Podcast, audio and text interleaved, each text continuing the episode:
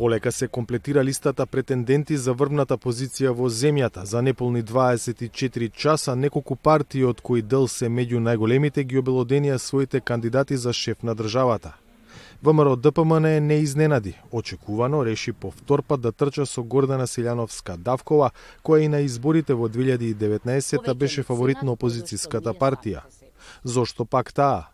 Во агонија се не само граѓаните, туку и сите ние, кои сме овде и мислам дека време е, време е, прво за женска димензија во политиката, време е за консензус, без оглед на партиска, етничка, верска и друга припадност, ако градиме консензус, а јас се обидував овде тоа да го правам, ќе бидеме посилни кон надвор и она што мене сиве овие 4 години најмногу ме инспирира и ме обзема е филозофијата дека ако не се почитуваме себе си, не може да очекуваме почит од никого, значи мислам дека само со само почит ќе дојдеме до почит. Субјективната причина е цел живот предавам компаративно уставно право и компаративен политички систем. Признавам дека овде видов дека тоа што го предавам не функционира во куќата на демократијата. Низината кандидатура веќе поддржана од 30 подписи на пратеници на ВМРО ДПМН кои денеска стоја зад неа треба да биде потврдена и на конвенцијата на партијата на 2 март. Ветувам дека, доколку станам председателка, моите кандидати ќе бидат најдобрите во Уставниот суд, најдобрите во Судскиот совет, дека амбасадорите ќе се регрутираат врз основа на компетентност и стручност, а не врз партиска блискост. Изборот на владеачката Ду исто така не е големо изненадување. Се одлучи да го кандидира актуелниот шеф на дипломатијата Бујар Османи, за кого известен период се шпекулираше дека е меѓу најсериозните имиња.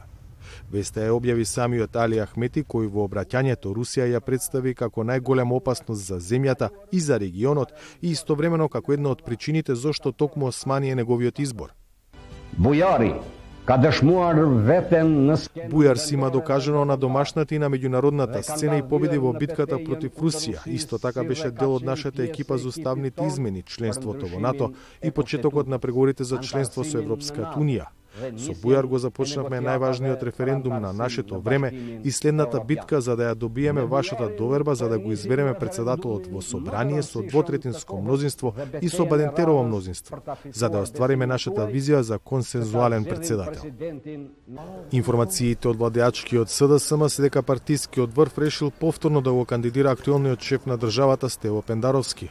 Одлуката треба да биде потврдена и пред партиските тела, а официјалната промоција би била на конвенцијата на почетокот на март. На вчерашниот состанок на раководството, Стево Пендаровски е поддржан за кандидат за председател на државата. Во трката се вклучува и Кумановскиот градоначелник Максим Димитриевски, порано дел од структурите на СДСМ, зад кого застана неговата новоформирана партија, знам. На Македонија е потребна предвидливост, надеж, стабилност, сигурност, правда, иднина. На Македонија е потребен председател кој ще го даде максимумот за неа. На Македонија е потребен Максим Димитриевски. Синоќа својата кандидатура ја најави и градоначалникот на Карпош и лидер на граѓанската опција за Македонија Стефчо Јакимовски. Мојата кандидатура не е алтернатива на постоечките, туку сметам дека треба да биде решение да напуштиме еден период во кој што одиме постојано по едната или пак по другата патека и на крајот повторно доаѓаме до истиот резултат, а тоа е резултатот на разочараност. Од предходно своји кандидатури најавија Јарбен Таравари, зад кого застана блокот опозицијски партии на албанците и професорката Билјана Ванковска, која доби поддршката на Левица. За гласот на Америка. Од Скопје, Владимир Мирчевски.